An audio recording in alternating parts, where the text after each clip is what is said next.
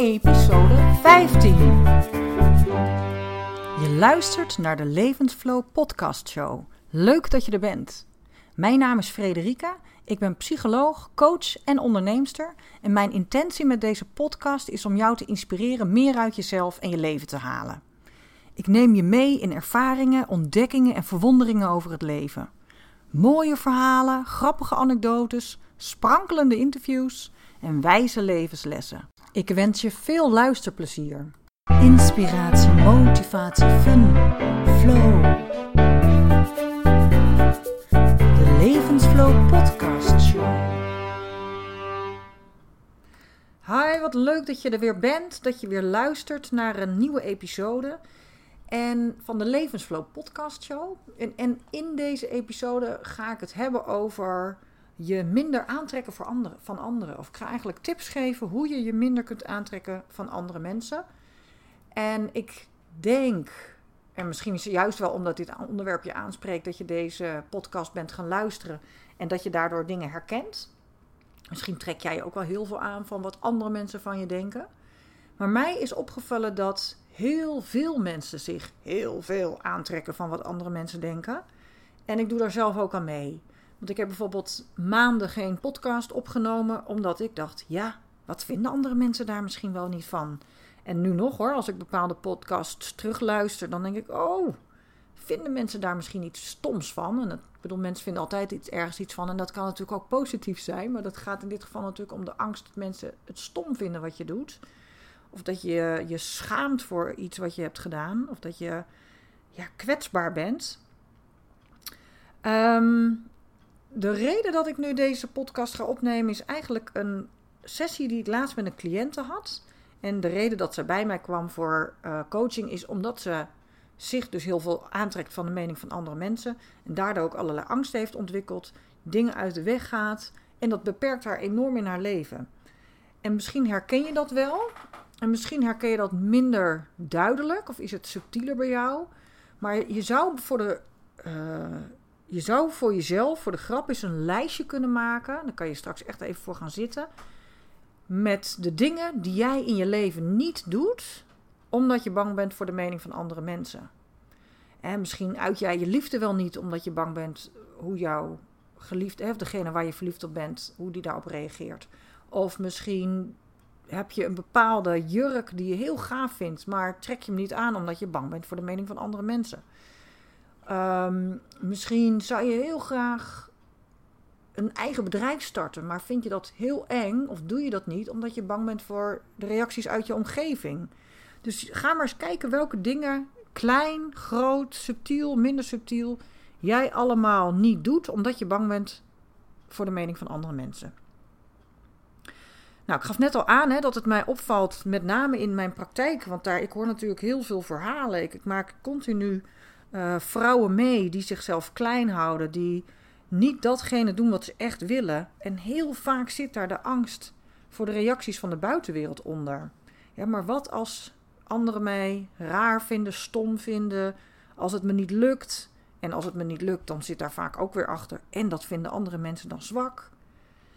En door je dus heel veel aan te trekken van andere mensen, ga je bepaalde dingen uit de weg of pak je dingen überhaupt niet aan. Ik heb een voorbeeld van iemand die dus er moeite mee heeft om haar mening te uiten, omdat ze bang is dat andere mensen haar dom vinden. En weer een andere cliënte die vindt het spannend om door een voetgangerstunnel bij haar werk te lopen, omdat ze bang is dat ze flauw valt. En dat mensen haar dan raar vinden en dat ze dan de aandacht op zich richt. En dat mensen denken, jeetje, wat een aanstelster.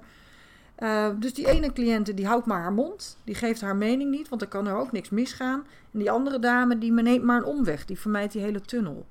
Nou, dan kun je je afvragen van wat maakt het nou uit? Hè? Want als je daarmee een vervelende situatie uh, voorkomt, namelijk dat mensen je af kunnen kraken om je mening, of door, uh, dat je voorkomt dat je flauw valt in een tunnel. Nou, dat is toch alleen maar handig, zou je kunnen zeggen. Maar is dat echt wel zo? Is dat echt zo prettig dat je als het ware uh, je laat regeren? Hè? Dus dat je niet zelf je keuzes maakt, maar dat je eigenlijk je angst laat regeren. Dus nee, dat is helemaal niet prettig, want het beperkt je enorm in je doen en laten. Daarbij zorgt vermijdingsgedrag heel vaak voor nog meer vermijdingsgedrag. Angst maakt je nog banger. Het begint meteen, misschien met een, een angst voor die tunnel. Ehm, maar daarna uh, besluit die cliënt dat de zaterdagochtend op de markt toch eigenlijk ook wel heel erg druk is. En gaat ze de boodschapjes maar niet meer op de markt doen, terwijl ze daar misschien heel erg van genoot. En weer later heeft die angst nog meer, haar nog meer overgenomen en gaat ze niet meer in de bedrijfskantine haar lunch nuttigen, maar blijft ze achter haar computer zitten om haar boterhammetje op te eten. Want die bedrijfskantine die bezorgt haar hartkloppingen. Dus zo beperkt zij zichzelf steeds meer en zet ze zichzelf als het ware klem. En wat dacht je dat het met haar zelfvertrouwen doet? En dat zelfvertrouwen bij elke vermijdingsactie brokkelt er steeds een stukje zelfvertrouwen af. En dat allemaal vanwege die mogelijke mening die andere mensen kunnen hebben. Dat is dus niet hoe je het wilt. Dus het is belangrijk dat je gaat leren om daar anders mee aan te, om te gaan. En misschien herken jij je wel in de verhalen die ik zojuist vertel. Uh, ik kan ook verhalen van mezelf vertellen. Um, waarom heb ik de hele tijd geen podcast opgenomen? Omdat ik denk, ja, wie ben ik nou helemaal? Wat heb ik nou eigenlijk te vertellen? Mensen vinden daar iets van in negatieve zin dan. Um, het kan ook zijn dat ik een podcast terugluister die ik een paar jaar, of nee, een paar jaar, een paar maanden geleden heb opgenomen. Dat ik denk, oh, durf er eigenlijk niet zo heel goed naar te luisteren. Um, hè, dan ben ik ook bezig met de mening van andere mensen. Maar gelukkig laat ik me er dus niet meer dusdanig door beïnvloeden. Ja, in sommige situaties dus wel. Maar ik heb inmiddels wel geleerd om me er overheen te zetten. Omdat ik anders ook heel veel ga missen in mijn leven. En heel veel dingen, ja, mezelf eigenlijk ontzeg. En uiteindelijk ben je hier niet op aarde gekomen om klein stilletjes in een hoekje te gaan zitten. Uh, maar is het de bedoeling dat je volop leeft en de levensflow volledig laat stromen? Dus het is belangrijk dat je leert om je wat minder aan te gaan trekken van andere mensen. En ik wil daarom heel graag een aantal ja, inzichten met je delen, een aantal tools met je delen die jou kunnen helpen om je minder aan te trekken van andere mensen. En ik gaf net al aan, eigenlijk helemaal aan het begin van de podcast. Een eerste stap is om eerst eens voor jezelf na te gaan van welke situaties zijn er eigenlijk die, waarin ik mij heel veel aantrek van andere mensen in negatieve zin. Het is op zich logisch dat we, onze, dat we rekening houden met anderen en dat we het belangrijk vinden wat onze dierbaren van, onze, van ons vinden in, in sommige situaties. Alleen het is niet altijd noodzakelijk dat we ook dingen gaan laten omdat mensen iets van ons kunnen vinden. Dus ga eerst eens voor jezelf na in welke situaties jij je iets aantrekt van andere mensen en je daardoor ook laat belemmeren. En dan vervolgens kun je gaan afvragen, want heel vaak gebeurt het zo dat we situaties van tevoren bedenken. En dan zijn we al doemscenario's aan het, uh, voor, ons voor aan het stellen. En dan zijn we helemaal aan het invullen wat andere mensen wel niet zouden kunnen denken. We, uh, wat vinden ze mijn aansteller? Of uh, ze vinden die kleren hartstikke stom. En hoe, kunnen ze, hoe heeft ze dat nou kunnen doen? En met dat figuur kan dat toch helemaal niet? En wie denkt zij wel niet dat, zij, dat ze denkt dat ze dat jurkje aan kan? En heeft ze zichzelf wel eens in de spiegel gezien? Dat zijn heel vaak gedachten die we dan van tevoren al bedenken. Of misschien, eigenlijk is het onze innerlijke criticus die dat al bedenkt. En dus ga maar eens voor jezelf na in de situaties waarin jij dus bezig bent met die mening van anderen. Wat zouden die mensen dan eigenlijk allemaal kunnen denken? Nou, dat kan je ook allemaal opschrijven. En de grap is dus dat dit eigenlijk niet de gedachten van die ander zijn, maar dat dat de gedachten van jouw innerlijke criticus zijn. Maar goed, daar gaan we dus al. De eerste, uh, het eerste inzicht wat, je wat jou daarbij kan helpen is: You never know what's in another man's mind of in another woman's mind. Je kunt nooit weten wat die ander denkt. Je kan namelijk niet, dat hebben we gewoon nog niet geleerd en dat, daar hebben we ook nog geen machines voor. Je kan niet in het hoofd van iemand anders kijken. Dus al die gedachten die jij net hebt opgeschreven over, goh, je ziet er niet uit en die jurk die past jou niet en wie denk je wel niet dat je, dat je dit aan kan met jouw figuur. Dat zijn dus niet de gedachten die in een andermans hoofd zitten, maar die in jouw hoofd zitten. De criticus stopt die in jouw hoofd. Nou, en dan is er een hele fijne, mooie oefening die jou kan helpen om wat meer afstand te nemen van die gedachten. Er zijn wel meerdere oefeningen. En twee oefeningen deel ik heel graag met je. De eerste oefening is dat jij jouw innerlijke criticus, of degene die die negatieve dingen zegt, dat, die, dat je die een, een uh, koosnaampje gaat geven. Dus dat je dat ziet als een onderdeel van jou, of misschien wel een persoon van vlees en bloed, die jou continu dit soort dingetjes influistert. En als je die persoon, of als je die stem als een persoon ziet en daar ook een naam aan hangt, ik noem maar iets, we noemen er Koosje, ehm, dan kan je namelijk meer afstand nemen van die stem. Want dan kun je Koosje namelijk gaan zien als iets wat buiten jou is. En dan kun je ook uh, Koosje erop wijzen van, dat ze zich heel erg zorgen maakt. En dat het eigenlijk helemaal niet nodig is. En dat ze nu eventjes de mond mag houden. En um, ik wilde daar nog iets over zeggen. Um, wat wilde ik daar nou over zeggen? Ja, ik weet het alweer. Want heel vaak is Koosje in jouw leven gekomen. Ik noem nou eventjes uh, de criticus in jou die dit soort nare dingen zegt. Noem ik even Koosje. Koosje is namelijk in jouw leven gekomen om jou te beschermen. En toen ik het laatst met die cliënten erover had om een koosnaampje te bedenken. Zij was trouwens, dat vond ik echt heel gaaf hoe zij dat zei. Want zij was dus gaan oefenen met situaties om uh, juist niet te gaan vermijden. Dus iets wat zij spannend vond, ging ze juist wel doen. En tijdens het oefenen van, dat, van die situatie merkte zij op dat ze nog steeds hartkloppingen kreeg en het heel spannend vond. Maar ze kon ook opmerken dat er een, een stemmetje actief was. Dus dat zij het niet zelf was, maar dat haar koosje, haar, koos, haar koosje heette geen koosje, maar haar koosje, die, zij kon haar koosje opmerken. Dus zij kon opmerken dat er een stemmetje was wat zij, uh, ja, je moet nu heel erg bang zijn. En dat is een heel erg uh, bedreigende situatie. En moet je echt niet doen hoor, wat je nu aan het doen bent. En zij kon dat opmerken. En ze vond het ergens ook wel heel gek, want ze had zoiets van: wat gek eigenlijk dat mijn koosje actief blijft. En het lijkt wel of mijn koosje um, niet weg wil, omdat ze. Hoe zei ze het nou? Ze had het zo mooi verwoord. Eventjes kijken hoe ze dat nou had gezegd. Ik heb het gevonden. Ze zei letterlijk: Ja, mijn hoofd verzet zich gewoon. Die, mijn hoofd zegt gewoon: Ja, blijf, je blijft maar lekker bang. En toen zijn ze er ook bij van: Ja, want mijn hoofd, of, dat, of die, die, mijn koosje, die is eigenlijk veel te bang dat ze straks werkeloos aan de kant staat. En dat ze dan niet meer belangrijk is. Dat ze niks meer te doen heeft. En dat vond ik zo mooi hoe zij dat beschreef. Want dat is precies de angst die, jou, uh, wat, die jouw verstand heeft. Of jouw koosje die is als het ware bang om um, aan de kant gezet te worden.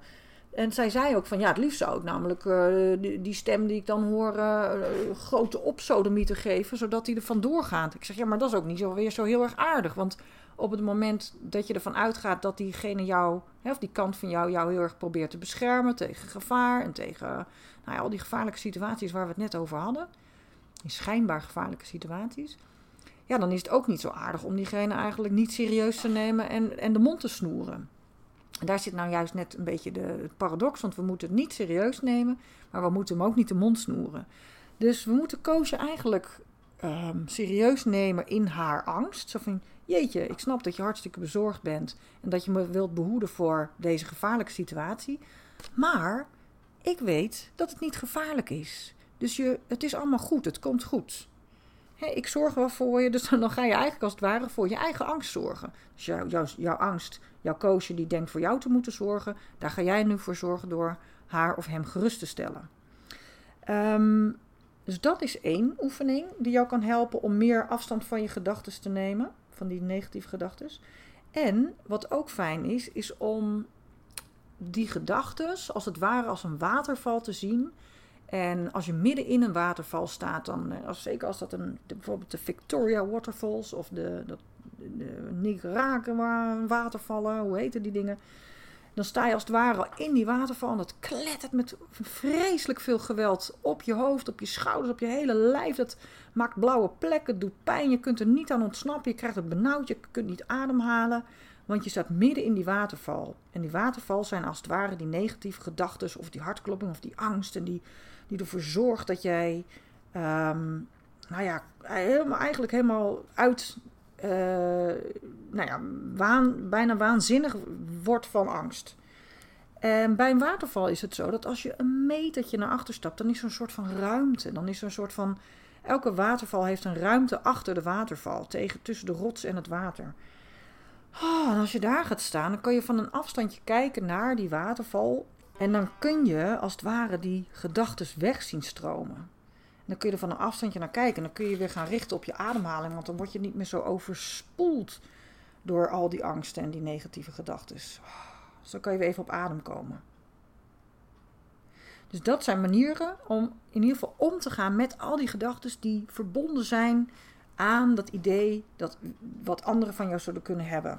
Al die negatieve gedachten die opkomen op het moment dat je in een situatie bent waarvan jij denkt dat je, uh, waar, waarin je je heel veel aantrekt van andere mensen. Nou, wat ook een manier is om om te gaan met zo'n situatie. Dus als je het idee hebt dat, dat je te kijken staat, of dat mensen kritiek op je kunnen hebben. Is om je eens af te vragen van wat is nou het ergste wat er kan gebeuren als mensen dat inderdaad denken. Want misschien is het inderdaad wel zo dat bepaalde mensen iets van jou denken. Dat ze iets stom van je vinden. Of dat ze daadwerkelijk denken wat jij in je hoofd haalt. Nou, wat is dan het ergste wat er dan kan gaan gebeuren?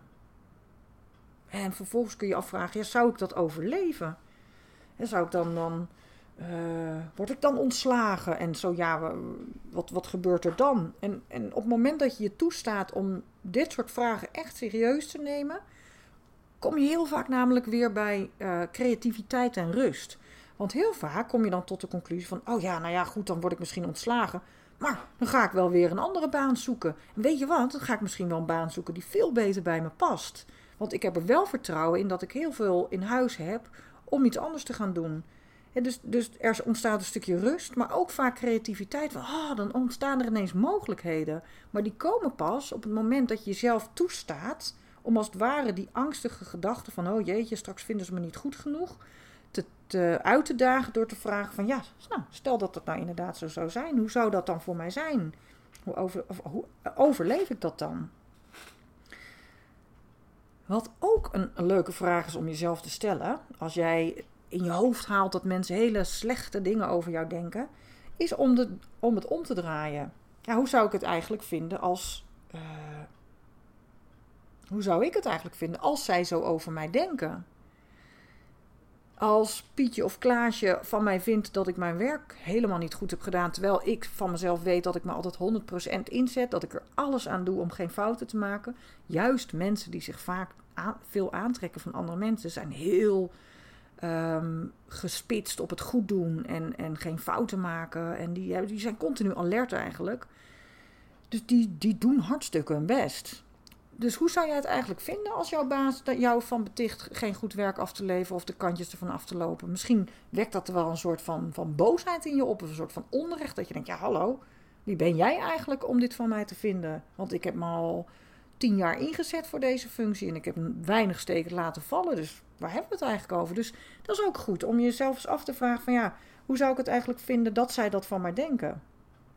En wat dan ook nog weer een manier is om er mee om te gaan en wat je aan het denken kan zetten, is hoe zou het nou zijn als uh, mijn vriendin of mijn collega in die situatie zou zitten? Zou ik dan hetzelfde denken als waarvan ik de ander beticht dat ze denken? Dus zou ik net zo negatief denken over die ander als als ik bang ben dat die ander over mij denkt? Snap je hem nog? Dus stel jouw collega maakt een foutje in het werk denk jij dan inderdaad van, oh, wat een rund zeg, hoe kan ze dat nou doen en wat stom. En, en ja, ik, ja, eigenlijk uh, heb ik nooit vertrouwen in haar kunnen gehad. Want dat zijn wel de dingen waarvan jij denkt dat de anders over jou denken. Nou, 9 van de 10 keer zal dat niet het geval zijn. Zal je niet zoveel negatieve gedachten hebben. En dan komen we ook meteen op uh, het thema zelfcompassie. Wat je namelijk in situaties waarin je veel aantrekt van andere mensen, heel goed kunt gebruiken, zelfcompassie. als je angstig bent of negatieve gedachten ervaart, dan uh, gaat die innerlijke criticus vaak aan. Dat tegenovergestelde van die zelfcompassie. We hebben het er net uitgebreid over gehad. En wat dan belangrijk is, is dat je de knop van je zelfcompassie aan gaat zetten. En ik noem die zelfcompassie ook wel heel vaak de innerlijke raadgever of de innerlijke mentor. En zelfcompassie Misschien ken je uh, compassie. En als je iemand anders steun nodig heeft of die maakt iets moeilijks mee, dan ga je daar niet als een bulldozer overheen. Dan ga je niet nog eens een schepje erbovenop doen van jeetje, wat ben je waardeloos. Oh, wat heb je het slecht gedaan. Uh, dat jij er nog met jezelf kunt leven. Nou, waarschijnlijk ga je dat allemaal niet doen als een vriendin bij je komt die het moeilijk heeft. Waarschijnlijk ga je haar troosten en ga je zeggen dat het allemaal wel meevalt en dat het nog veel erger had gekund en dat er nog allerlei kansen voorbij gaan komen. En dat ze echt die pijn wel even mag voelen die ze nu voelt. En dat het oké is dat er tranen komen. Dat is waarschijnlijk een compassievolle reactie die ik, uh, die ik in ieder geval zou hebben. En die jij waarschijnlijk ook zou hebben op het moment dat iemand het moeilijk heeft. Maar waarom doen we dat dan niet naar onszelf? Want ik vertelde dit dus laatst ook aan die cliënten waar ik het net uh, over had. En toen vertelde ik van, nou ja, waarschijnlijk ga je niet als een, als een gek keer tegen je vriendin. En toen zat ze me inderdaad aan te kijken van, oh nee zeg, ik zou weinig vriendinnen overhouden als ik zo zou reageren. Toen zei ik, nou, precies. Ik zeg, maar ondertussen is dit wel hetgene wat jij jezelf de hele, de hele tijd tegen jezelf zegt. Ik zeg, ja, en jij moet elke dag nog met jezelf door één deur. Je kunt jezelf moeilijk, hè? je kunt de vriendschap met jezelf moeilijk opzeggen ja, dat was wel even een eye-opener. Dat ze dacht, oh ja, verdorie. Zo behandel ik mezelf dus wel. Terwijl ik, ik, ja, ik haal het niet in mijn hoofd om een goede vriendin of een, een dierbare of een collega zo te behandelen. Maar ik behandel me wel, mezelf wel zo. Ehm, dus je mag jezelf aardiger gaan behandelen. Op het moment dat jij allerlei negatieve gedachten over wat een ander allemaal wel niet van jou zou kunnen vinden, uh, in je hoofd haalt, mag je de, de knop van de zelfcompassie, van die innerlijke mentor of raadgever aan gaan zetten. Stel je ziet een fantastische jurk in de etalage van, van je favoriete winkeltje hangen. Maar jij denkt, nee, ja, dat kan ik echt niet. Met, met die klapkuit van mij kan ik dat echt niet aan. Dat, dat staat niet. Wat zullen mensen wel niet van me denken? En dan gaat die criticus aan. Terwijl je denkt, oh, maar ik vind hem zo mooi. Ik vind hem zo leuk. En ehm, ik, ken zo drie vriendinnen bij wie die geweldig zou staan. En nou ja, ik loop maar weer verder, want ja, dat is toch niet voor mij. Maar hoe zou het nou eens zijn als je dan met de knop van de zelfcompassie om die winkel in zou stappen en zou vragen van, oh, nou die jurk uit de etalage zou ik toch heel graag wel eens aan willen passen, want die vind ik zo mooi. En dat je dat um, hokje inloopt en dat je dan uh, die jurk past. En dat je dan met nog steeds die innerlijke raadgever, die zelfcompassie, naar jezelf in die spiegel kijkt. En dat je ineens ziet dat jij een fantastisch leuke, mooie jurk aan hebt. En dat die jou ook nog geweldig staat. En dat je de jurk koopt en de eerstvolgende mooie zomerdag of lenterdag of nazomerdag die jurk aantrekt. En steeds met die uh, knop van de, van de innerlijke raadgever, de zelfcompassie naar jezelf blijft kijken. Het zou toch fantastisch zijn? En de vraag is, waarom niet? Why not? Waarom zou je in godsnaam ehm, die knop van die innerlijke criticus aanhouden? Dat is misschien wel een leuk voorbeeld van mezelf. Dat heeft toevallig ook met een jurk te maken. Ik uh, was vorig jaar in de Sissy Boy. En ik zag daar, ik had een oh, nou, echt een hele leuke jurk gezien. Maar ik vind dus van mezelf dat ik geen jurk. Of tenminste dat dat mij niet staat. Want ik heb inderdaad te brede heupen en klapkousen. En ik vind dat dus mijn innerlijke criticus vindt dat dat niet kan.